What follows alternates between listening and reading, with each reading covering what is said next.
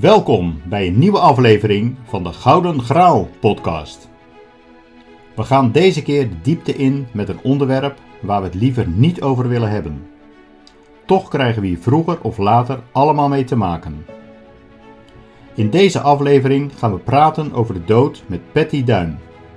Zij begeleidt samen met haar team als een persoonlijke coach mensen ten tijde van rouw en verlies. Zij heeft hier het boek Rouwdoula over geschreven en zal uitvoerig uitleggen wat zij eronder verstaat en waarin zij verschilt van een traditionele begrafenisondernemer. Als rouwdeskundige wordt zij vanwege haar heldere uitleg regelmatig als gast uitgenodigd op radio en tv. Hoewel ik het een groot voordeel van een podcast vind dat je deze overal kunt luisteren, zou ik bij deze aflevering willen adviseren om deze op een rustige plaats te luisteren, zonder afleiding. In het interview deelt Patty namelijk inzichten over leven en dood die je tot nadenken zullen stemmen. Zij spreekt onder andere over het op een natuurlijke manier omgaan met de dood en hoe je kinderen kunt betrekken bij het rouwproces. Omdat de opname meer dan een uur duurde en er zoveel zaken besproken worden die even moeten bezinken, heb ik ervoor gekozen om er twee afleveringen van te maken. Het tweede deel zal over twee weken online komen. Aan het eind van deze eerste aflevering zullen twee fragmenten uit deel 2 te horen zijn. Ik hoop dat jullie het komende gesprek net zo boeiend als ik dat heb gaan ervaren.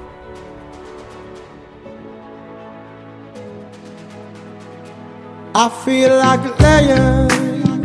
I'm so strong. Bring me the legacy. I'm so fun.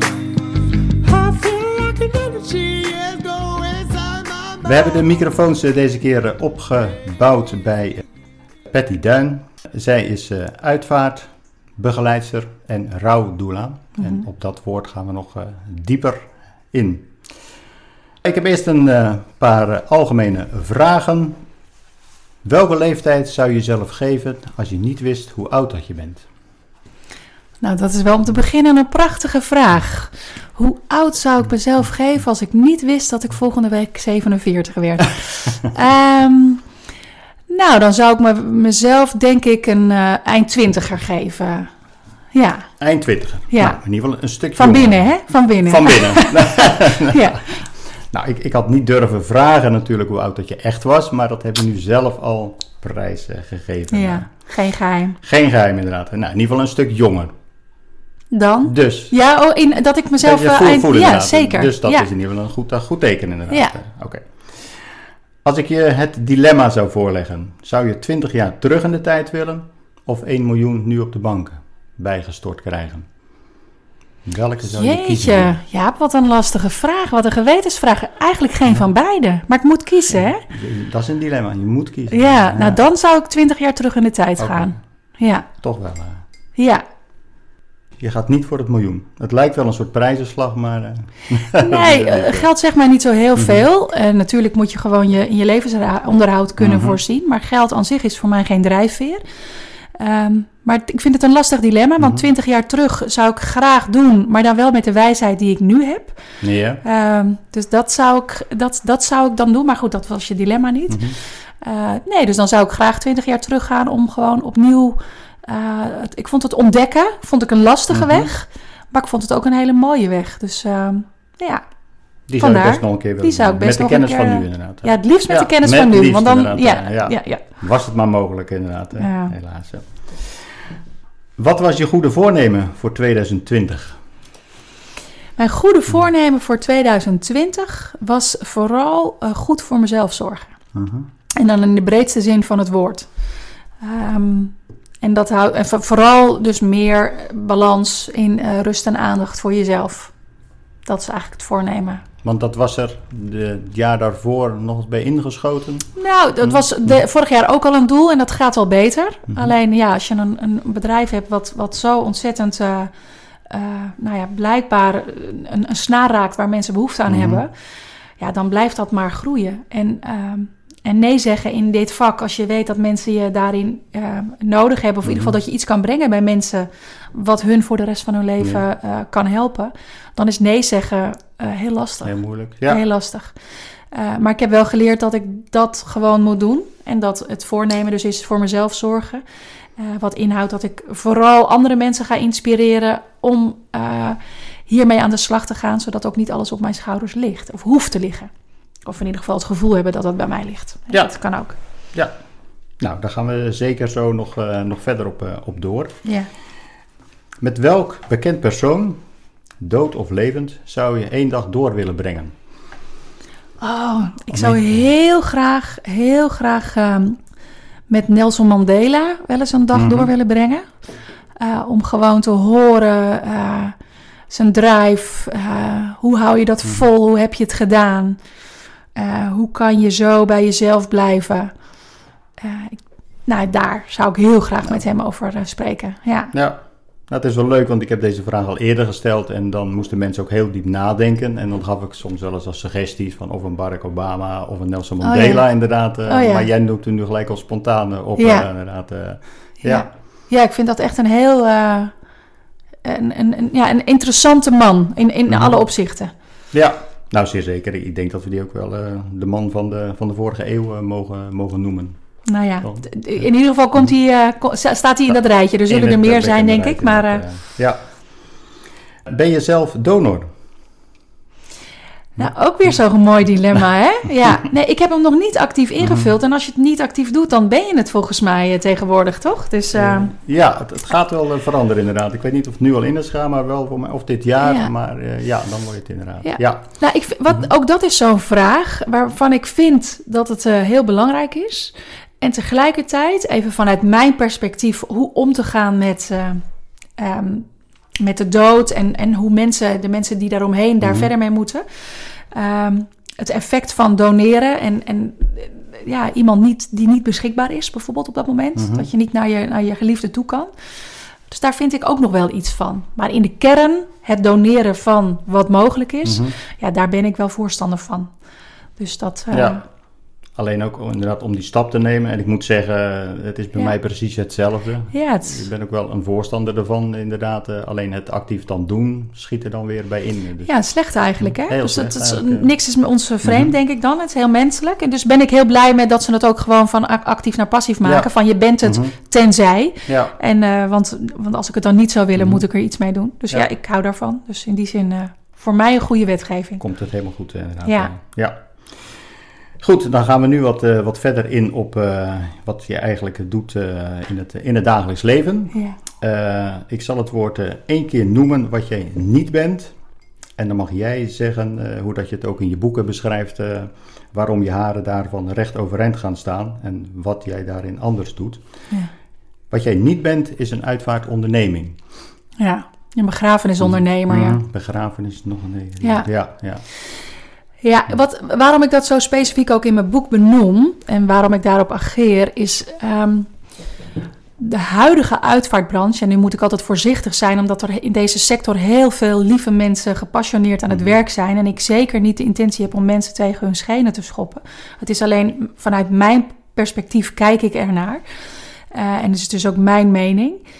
Ehm, wat, ik, wat ik mis in de, eh, in Waarom ik zeg uitvaartondernemer, dat ben ik niet. Omdat ik geen uitvaart regel. Dat is een heel klein onderdeel van wat ik doe. Ehm, ik zie mezelf meer, en waar ik ik zeg, zeg ik mijn bedrijf en zeg ik de mensen met wie ik werk en hoe ik graag eh, eh, in deze sector werkzaam ben, is dat je ehm, veel meer een gezin begeleidt. Echt coacht, ook op mentaal vlak. En, dat is, en daar, daar klein onderdeel van is een afscheidsdag organiseren. Dus daar Mhm. zit een groot verschil in. De branche, de huidige uitvaartsector, en gelukkig zie je dat steeds meer een beetje veranderen. Die regelt een uitvaartdag. De begrafenisondernemer, de uitvaartondernemer, zoals je dat beeld erbij eh, Traditioneel. traditioneel Ja. erbij oproept, Mhm. dat, die gaat een afscheidsdag regelen. Je ziet ook alle slogans, wij regelen een passend afscheid. Mhm. Eh, maar dat gaat allemaal over logistiek en over vorm en over product. En alles waar het bij ons niet over gaat, is over logistiek, vorm en product. Dat is een bijzaak. Dat is eh, dienend aan wat kunnen we inzetten om de maximale beleving te ervaren Vanaf het moment dat je ziek wordt of vanaf het moment dat je komt te overlijden. En hoe gaan we daar dan met z'n allen mee om? Dus daar, ik hoop dat ik het op die manier een beetje duidelijk uitleg. Uh, daar zit het grote verschil. Ja. Nou, ik denk dat je het ook heel goed uh, samenvat uh, op, op je website. Daarin uh, schrijf je ook: afscheid is de geboorte van een herinnering. Ja. En dat vat eigenlijk heel veel dingen samen. Ja. Ja, en met nadruk dat een afscheid dus ook al bij leven mm -hmm. kan vaak plaatsvindt. Mm -hmm. En dat, dat is een onderschat kindje, vind ik. He, dus op het moment dat iemand hoort dat hij ziek is en dat hij niet meer beter wordt. Mm -hmm en dan wegfietst uit het ziekenhuis, die metafoor gebruik ik altijd maar, ja, dan verandert de, de wereld, dan verandert je leven. Maar niet alleen van degene die die boodschap krijgt, ook van het partner, van het gezin, van, de, van het, het sociale leven om hun heen, mm. de vrienden, de familie, scholen, werk. Nou ja, ga die kringen dan maar Alles, rond. Ja. Dus de impact van zo'n boodschap gaat veel verder dan, dan degene die mm. het fysiek zeg maar betreft. En daar begint het afscheid. En dat begeleiden, hoe Mhm. gaan we daarmee om? Ja, dat is wat ik doe. Ja, En daar komt uiteindelijk dan een logistieke afscheiddag uit, maar dat is pas in een veel later stadium. ja.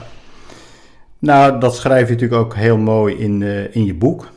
Eh waar je ook gewoon echt, ja, ik noem het dan maar even praktijkvoorbeelden Ja. benoemt, zeg maar. Hoe dat je mensen begeleidt daarin. Maar niet alleen de persoon zelf eh, die overleden is of, eh, of gaat overlijden, maar inderdaad ook het gezin en, Mhm. en ook de andere mensen daaromheen inderdaad. door Daar ook aandacht eh, voor, voor te Mhm. vragen en, en te geven. eh. Ehm, dus dat, dat viel mij ook al op. en en nou ja, daarom zit ik nu ook aan de, aan de keukentafel bij je, zeg maar. omdat je dat inderdaad anders doet. En dat kan ook bijna niet anders. Of dat moet je doen vanuit een, een bepaalde passie. Waar Ja. we het zo nog eh, over gaan, eh, gaan hebben. eh. Mhm. Nog even terugkomend op de, op de dood. Ja, dat is een centraal thema in je, in, je, in, je, in je werk. Hoe denk je dat het komt dat er nog steeds een taboe op rust? Want we hebben toch in onze westerse wereld, we- spreken niet graag over de dood. We, we Nee. vegen het het liefst weg en Ja. we hebben het er niet over. We regelen soms ook dingen helemaal niet. Heb je een bepaalde verklaring waarom dat nog steeds een taboe is? Nou ja, ik denk, hè, ik bedoel, wie heeft de wijsheid en wie heeft de waarheid? Mhm. En, en, wel, en bestaat er een waarheid? Maar zoals ik er naar kijk, is het heel erg. Wij, wij in onze westerse cultuur zijn we dat gewoon niet gewend. We hebben het niet geleerd. De dood is Mhm. iets wat niet in onze cultuur ingeweven zit. Als je kijkt bijvoorbeeld naar een Surinaamse cultuur, Mhm. daar hoort de dood bij het leven en het leven bij de dood. Dat is één. Eh, kleur van rouw bijvoorbeeld in Suriname is ook wit. Dat geeft al heel erg aan Ja, dat we er anders naar ja. kijken. Mhm. Nou, en zo kun je een heleboel culturen langsgaan waarin duidelijk wordt dat de dood een onderdeel mag zijn van het leven. En wij Westerlingen, eh, ehm, ja, ik hoop, en ik hoop dat, dat wij daar met z'n allen een kleine beweging in doen, iedereen die daarmee actief mee bezig is, dat we mensen leren dat, eh, dat we natuurlijk omgaan, kunnen gaan met het thema dood. Dat het erbij mag zijn en dat we het een beetje Mhm. bij beetje integreren. Ja, en dat begint natuurlijk bij er anders naar te kijken, ehm, door het ook echt letterlijk anders te beleven. En dat is eigenlijk wat ik, ja, waar mijn passie Mhm. ligt, is het, is het mensen natuurlijk laten beleven van het thema dood. En eh, hoe hard die ook is, hoe pijnlijk die ook is, hoe, ik kan hem niet wegnemen, want hij is er. En soms is hij knetterhard. Maar hoe gaan we daar dan Mhm. mee om? Dus we hebben het niet geleerd. Het zit niet in onze cultuur. Het is geen onderwerp. Mhm. eh, als je op een feestje zegt: eh, God, ik had onlangs. eh, eh, nou ja, het gaat altijd goed met Mhm. ons allemaal, toch? Dat is eigenlijk wat er. terwijl de Ja. hele maatschappij behoefte heeft Mhm. aan gewoon een echt gesprek. Valt het gesprek ook niet vaak wat, wat stil Wat als jij zegt... Ja, ja, ik Ja. wil het woord niet ja, noemen, ja. maar... als jij op een, een feestje zegt wat, wat je doet voor de, voor de kost... Ja. Omdat Ja. mensen zich geen houding dan kunnen geven... Of, Ja, mensen vragen vooral niet Mhm. eh, hoe was het op je werk. Dus Nee. dat, eh, die vraag Nee, krijg ik nee. zelden. Nee, dat valt Mhm. zeker stil. Mhm. Omdat, omdat mensen zijn het, vinden het ongemakkelijk. Eh, het, is, het is iets wat niet bij ons hoort. En, ehm, en ik snap het ook hoor. Ik snap ook heel Mhm. goed. En, en, hoe vaak hoor je niet dat mensen die, als ze het hebben, zelf hebben ervaren, dat ze dan pas begrijpen waar we het over hebben en hoe ze er voor een ander kunnen zijn. Het fenomeen als je weet dat iemand zijn vader is overleden, van jeetje, kwam hem tegen bij de supermarkt, maar ik wist niet wat ik moest zeggen. Eh, ja, nou ja, dat geeft al aan welk ongemak er nog op zit. Maar het valt zeker stil, Mhm. dus ik, ik begin er zelf ook niet vaak over. En eh, eh, dat ik mijn boekpresentatie had, had ik mijn vriendinnen uitgenodigd. En die vielen eigenlijk allemaal stil bij de verhalen. Want ik had mensen uitgenodigd Ja. om hun ervaring met mij te Mhm. delen. Ja, en die vielen echt, eh, om even plat gezegd, met Mhm. hun bekken open stonden Ja. ze. Eh, hun mond viel open, want ze hadden echt zoiets van, Hé, doe, doe jij dit? En, en dan zit je vervolgens bij ons in de kroeg. Hoe Mhm. schakel je dat? Hoe, hoe kan dat? Dus nee, die vraag krijg ik zelden. Ja, want heb je ook wel eens eh, dat, je, dat je uitvaarten regelt voor, en begeleidt van, voor andere culturen? Ja, Hm? steeds vaker Mhm. ook. Maar onlangs hadden we een, een Joodse, een Joodse Mhm. dame. Een eh, Molux gezin hebben we mogen begeleiden. Eh, we hebben ook een nou ja, Surinaams gezin. Eh, we hebben ook een keer met een imam mogen samenwerken. Dat was een heel bijzondere Mhm. ervaring. Want eigenlijk dulden zij natuurlijk geen vrouwen in, in dat... Ja. Mhm. maar dat was een, een, een, een, derde generatie meisje, zeg maar, die hier was. Dus die was Mhm. ook deels, ja, ook, ook haar westerse Westers, ja. cultuur mocht een plek krijgen. Dus daar hebben we samen een hele mooie, mooie combinatie in gevonden. Eh, dus dat mogen we ook steeds meer doen, gelukkig. En het is ontzettend verrijkend ook voor ons. Want dan, hoe meer je in andere culturen ook mag ja, kijken, ja. hoe meer het ook jezelf verrijkt. Ja. Nou, je, je ziet wel eens in eh, bijvoorbeeld een, een, een Zuid-Afrika, als je daar een, eh, een uitvaart ziet, dan is het met, eh, met, met gezang en, een heleboel, eh, nou ja, herrie wil ik het niet noemen, maar een Veel heleboel, uitingen. Veel uitingen inderdaad, Ja. en verbaal ook inderdaad. Terwijl wij zijn nu meer in onze westerse wereld veel meer teruggetrokken. En eh, zou het ook een beetje door onze Calvinistische instelling komen? Ja, wat ik net zei, hè, het, is, Mhm. het is ons aangeleerd. Dus Mhm. eh, van doe maar gewoon, dan doe je al gek genoeg. Mhm. Weet je, dat, dat is natuurlijk onze, eh, nou ja, ethos, zeg maar, Ja. hoe we opgegroeid zijn Mhm. allemaal. En dat is ook niet verkeerd, Mhm. hè? Want het, het is niet zo dat andere culturen het beter doen... of dat het, omdat ze daar uiten, dat dat beter is. Het is. Niks is goed en niks is slecht als het gaat over de dood. Alleen de kunst is, durven wij te voelen? Wat, hoe voelen wij het? Hoe willen wij Mhm. het?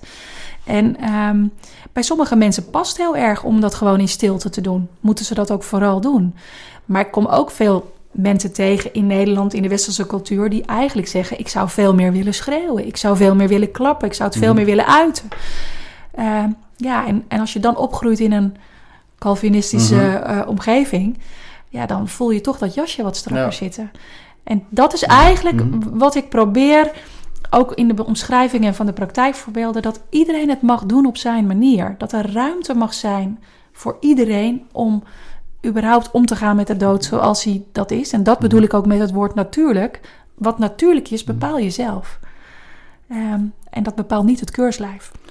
Ik, ik heb wel het idee, maar dat kun jij waarschijnlijk veel beter eh, eh, beoordelen, dat er nu met, met, met uitvaarten eh, veel meer mogelijk is. Ja. Ik bedoel, vroeger, als ik dan even terugga in de tijd, was het allemaal heel traditioneel en kon je eigenlijk van, van A tot Z al uittekenen hoe dat in uitvaart ging. Ja. Tegenwoordig kan het ook zijn dat er nog eh, filmpjes eh, gedraaid worden. De muziek is natuurlijk al eh, heel anders. Het is Mhm. echt persoonlijke muziek geworden. Qua kleding is, het, is het anders geworden. Ja. Zie je daar ook een bepaalde trend in?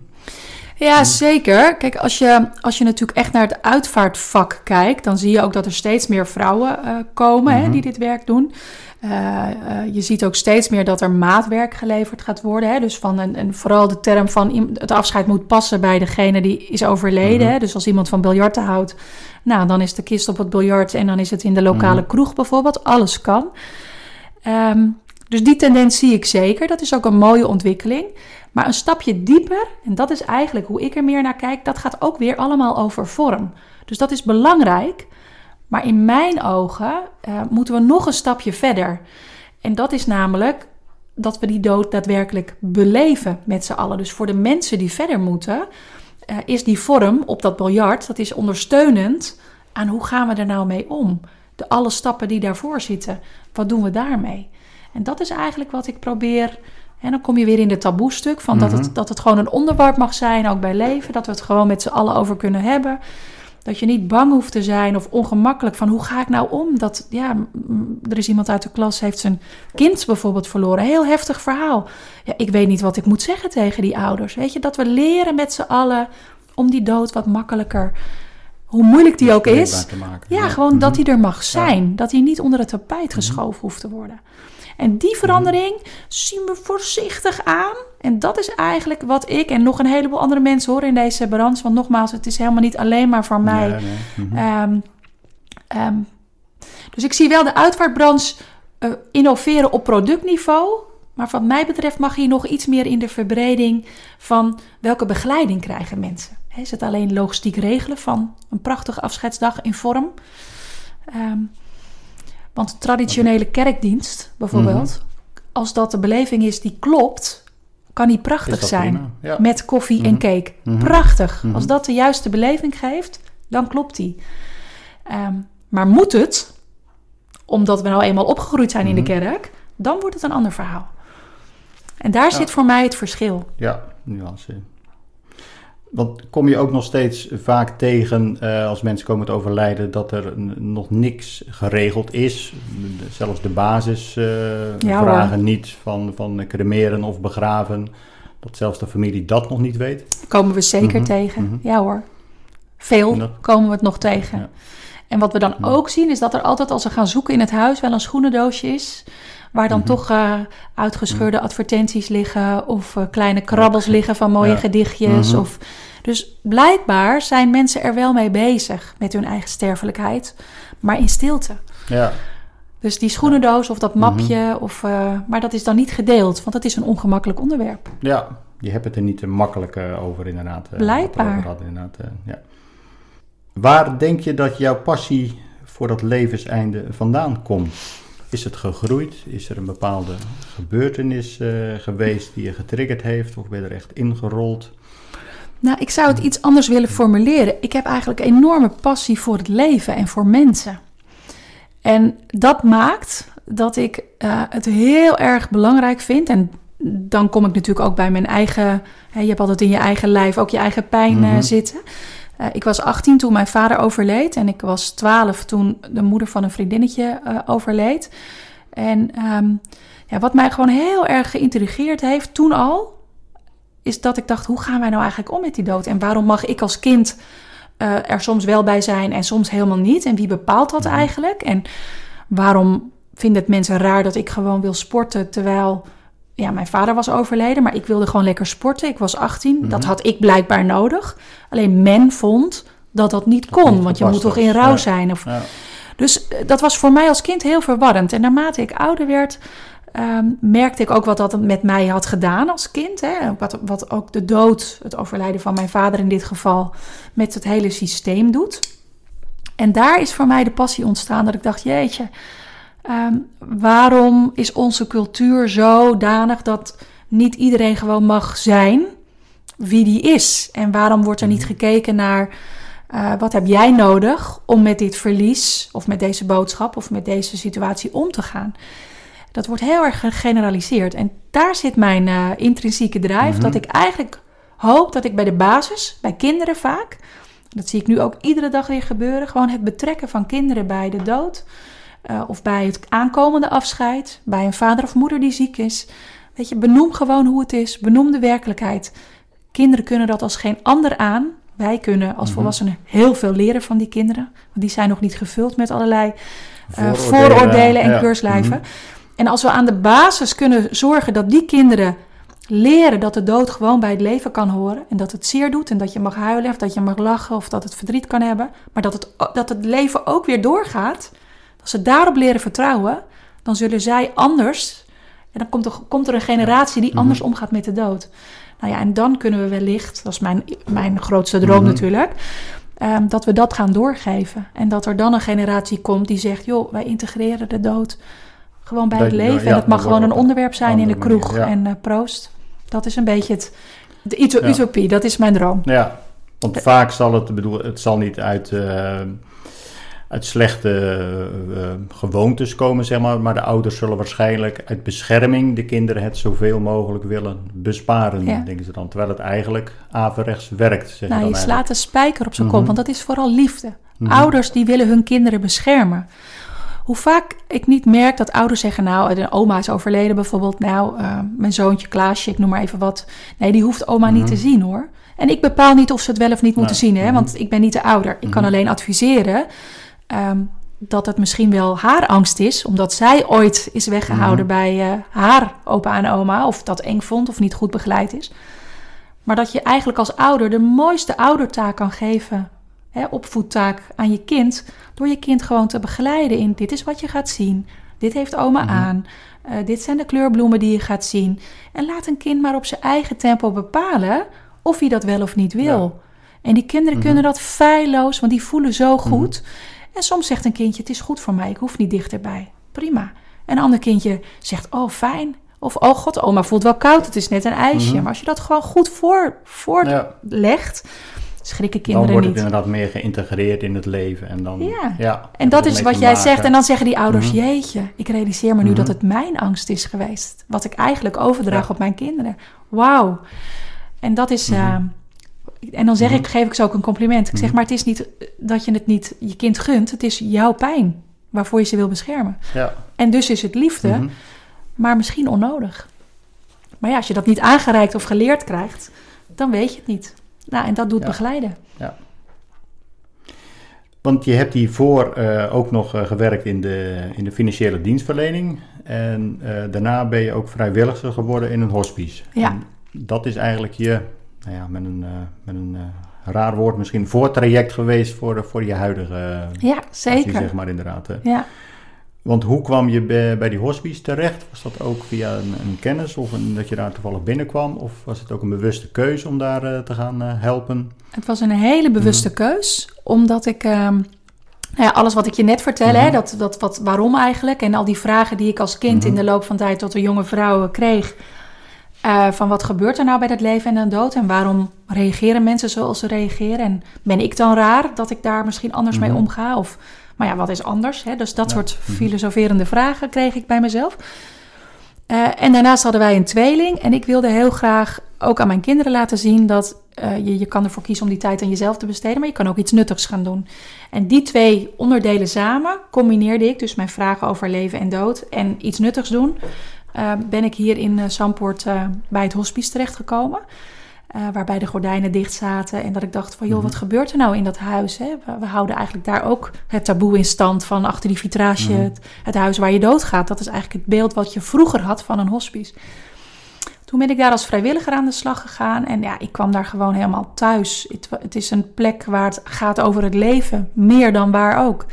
Alle opsmuk valt weg. Het gaat over de essentie van, van leven.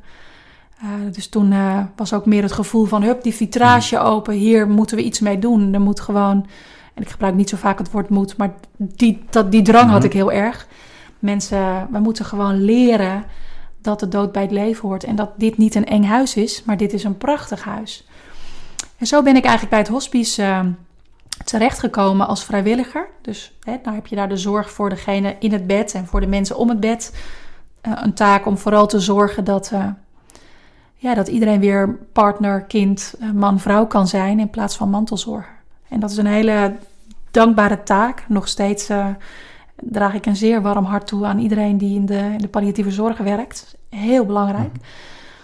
Maar daar zag ik ook, want ik heb ook een coachachtergrond, dat er is, hè, dus binnen het hospice is er heel veel zorg en aandacht voor mensen in het bed en ook om het bed. Maar echt mentale zorg, van wat gebeurt er nou? Dus echt systeemgesprekken, wat gebeurt er systemisch in een gezin?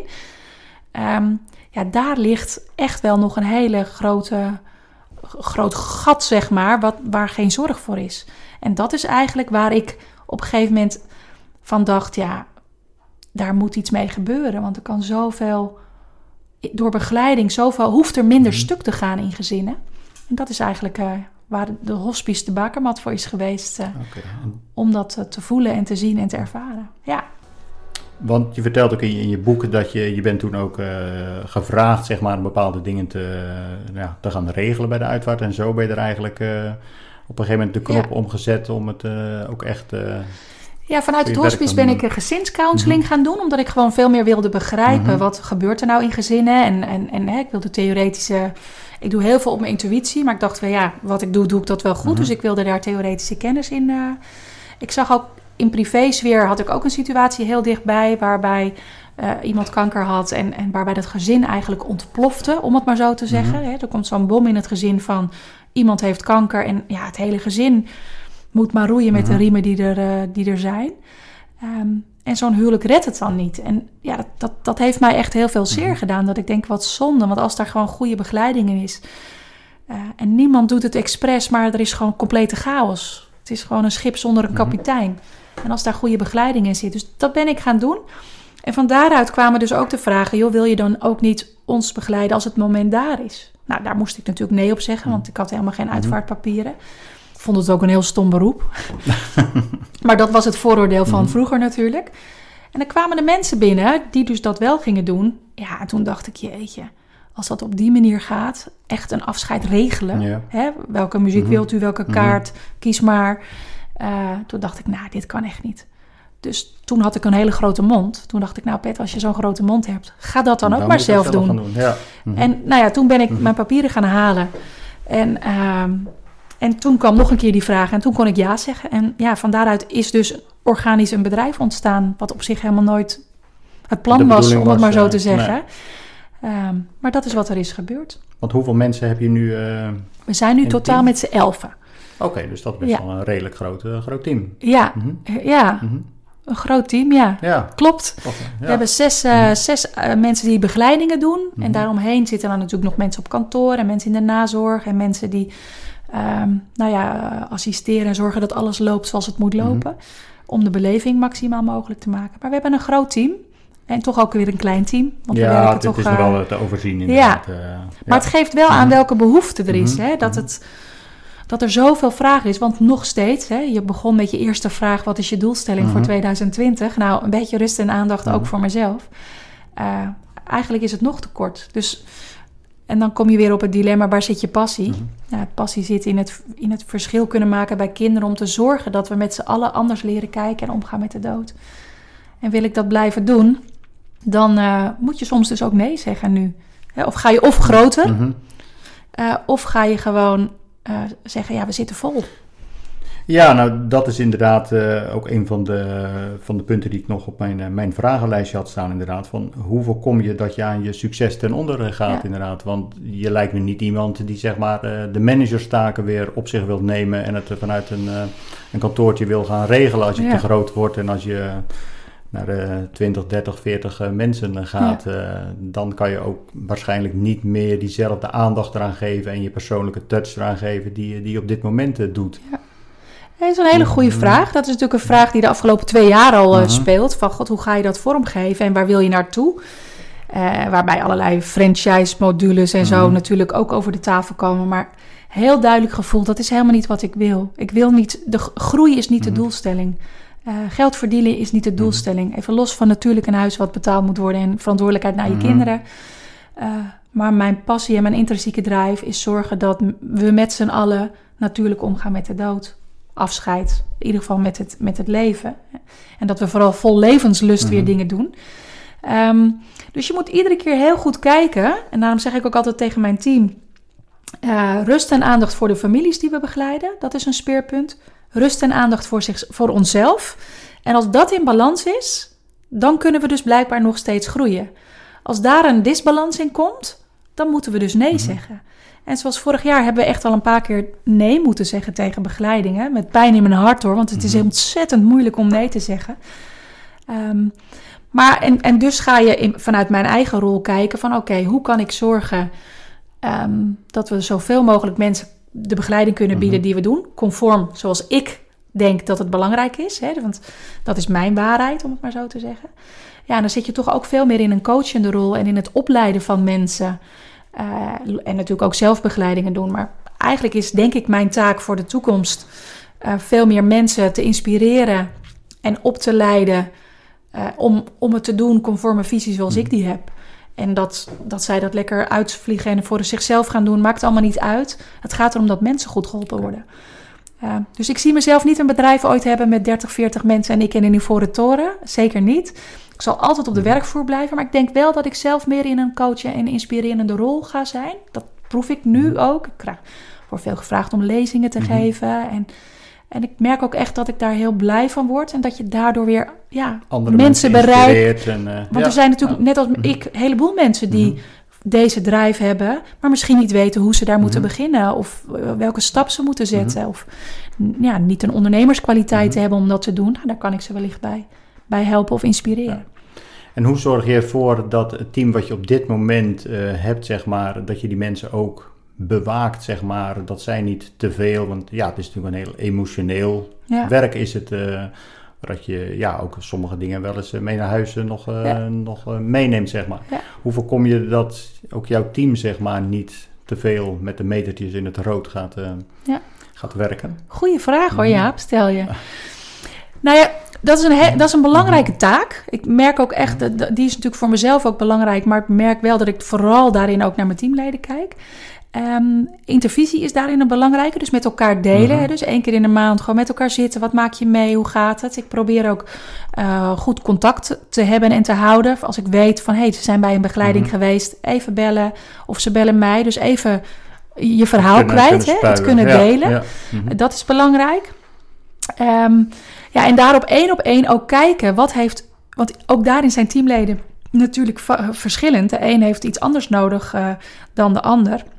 Eh, maar vooral ook genoeg, in plaats van dat ik een rooster maak wanneer ze moeten werken, plan ik bijvoorbeeld ook een rooster wanneer ze gewoon vrij moeten zijn. Ja. Eh, en dat is een Mhm. andere manier van, van denken. Mhm.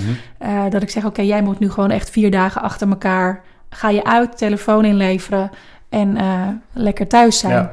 Hè, dus op die Ja. manier probeer je dat te Mhm. bewaken. Waarbij het natuurlijk ook allemaal gewoon volwassen en hun eigen verantwoordelijkheid te nemen hebben. Maar dat is absoluut een valkuil in dit vak. Dat je altijd maar door wil gaan. Eh, omdat er ook altijd iemand is die, ja, waar, je, waar je iets te brengen hebt. Zijn, zijn er ook wel eens mensen uitgevallen uit je team die toch zeiden na een verloop van tijd van, eh, nou, ik ga wat anders doen of het is me toch eh, Ja. geestelijk te zwaar geworden? Nou, met name de. Ja, dat is zeker eh, het geval. Want je zoekt ook een. Want je, je kan wel willen groeien, maar je moet ook de juiste mensen Mhm. treffen die op deze manier kunnen werken. Want zoals ik het doe, is het, is het vrij intensief en ook heel onregelmatig. Dus dat vraagt ook iets van je Mhm. sociale leven. Eh, en er zijn zeker mensen die denken van in het begin: oh, ik wil mensen helpen en het is een mooi beroep en die bij mij beginnen. Eh, maar die bijvoorbeeld de onregelmatigheid niet aankunnen. Of die niet in staat zijn om als ze vrij zijn, ook vrij te zijn. Dus de telefoon weg te Mhm. leggen. Ja, en dan, eh, dan is dit werk ook gewoon niet voor je geschikt. Helaas, want dat waren zeer goede, goede krachten. Eh, maar die vallen zeker uit. Of ook iemand als er dan in de thuissituatie soms even iets te veel gebeurt. eh, ja, dan is en dit zware werk en thuis, ja, dat is gewoon te veel. Dat wordt dan dubbel. Dus ehm, ja. Dan kiezen mensen voor iets meer Mhm. structuur in hun leven. Mhm. Dat kan. Dit was deel 1 van het interview met Patty. Wat mij het meest is bijgebleven is haar missie om het taboe op de dood te doorbreken en het als een onvermijdelijk onderdeel van het leven op een natuurlijke wijze bespreekbaar te maken. Daarnaast kunnen haar inzichten om kinderen niet af te schermen van het rouwproces, maar hun er juist bij te betrekken, ervoor zorgen dat ze later op een andere manier naar de dood gaan kijken. Tot slot twee fragmenten uit het tweede deel van het interview, waarin Patty antwoord geeft op de vraag of euthanasie een verrijking van het leven kan zijn, en een fragment waarin ze uitlegt wat zij kan toevoegen vanuit haar expertise aan de begeleiding bij een kinderuitvaart. Een volgende die ik, die ik tegenkwam. Kan euthanasie een verrijking van het leven zijn? Ook weer zo'n mooie vraag. Waar ik heel voorzichtig in moet antwoorden altijd. Ik kan alleen maar vanuit mezelf antwoorden. Dus iedereen mag daar zijn eigen mening Mhm. over hebben. Hè. Ehm, ik vind het een enorme verrijking van het leven. Het feit dat het er is. Het feit dat mensen de mogelijkheid hebben om zelf te bepalen wat kwaliteit van leven is. Voor het individu, om het nou zo te zeggen. Eh, dat gevoel alleen al geeft mensen heel veel kwaliteit van leven. Of mensen daar dan uiteindelijk gebruik van maken, is een tweede. Maar het gevoel hebben, het is mijn leven en dit is waar ik voor sta en dit is kwaliteit voor mij, ja, daar ben ik heel erg voorstander van.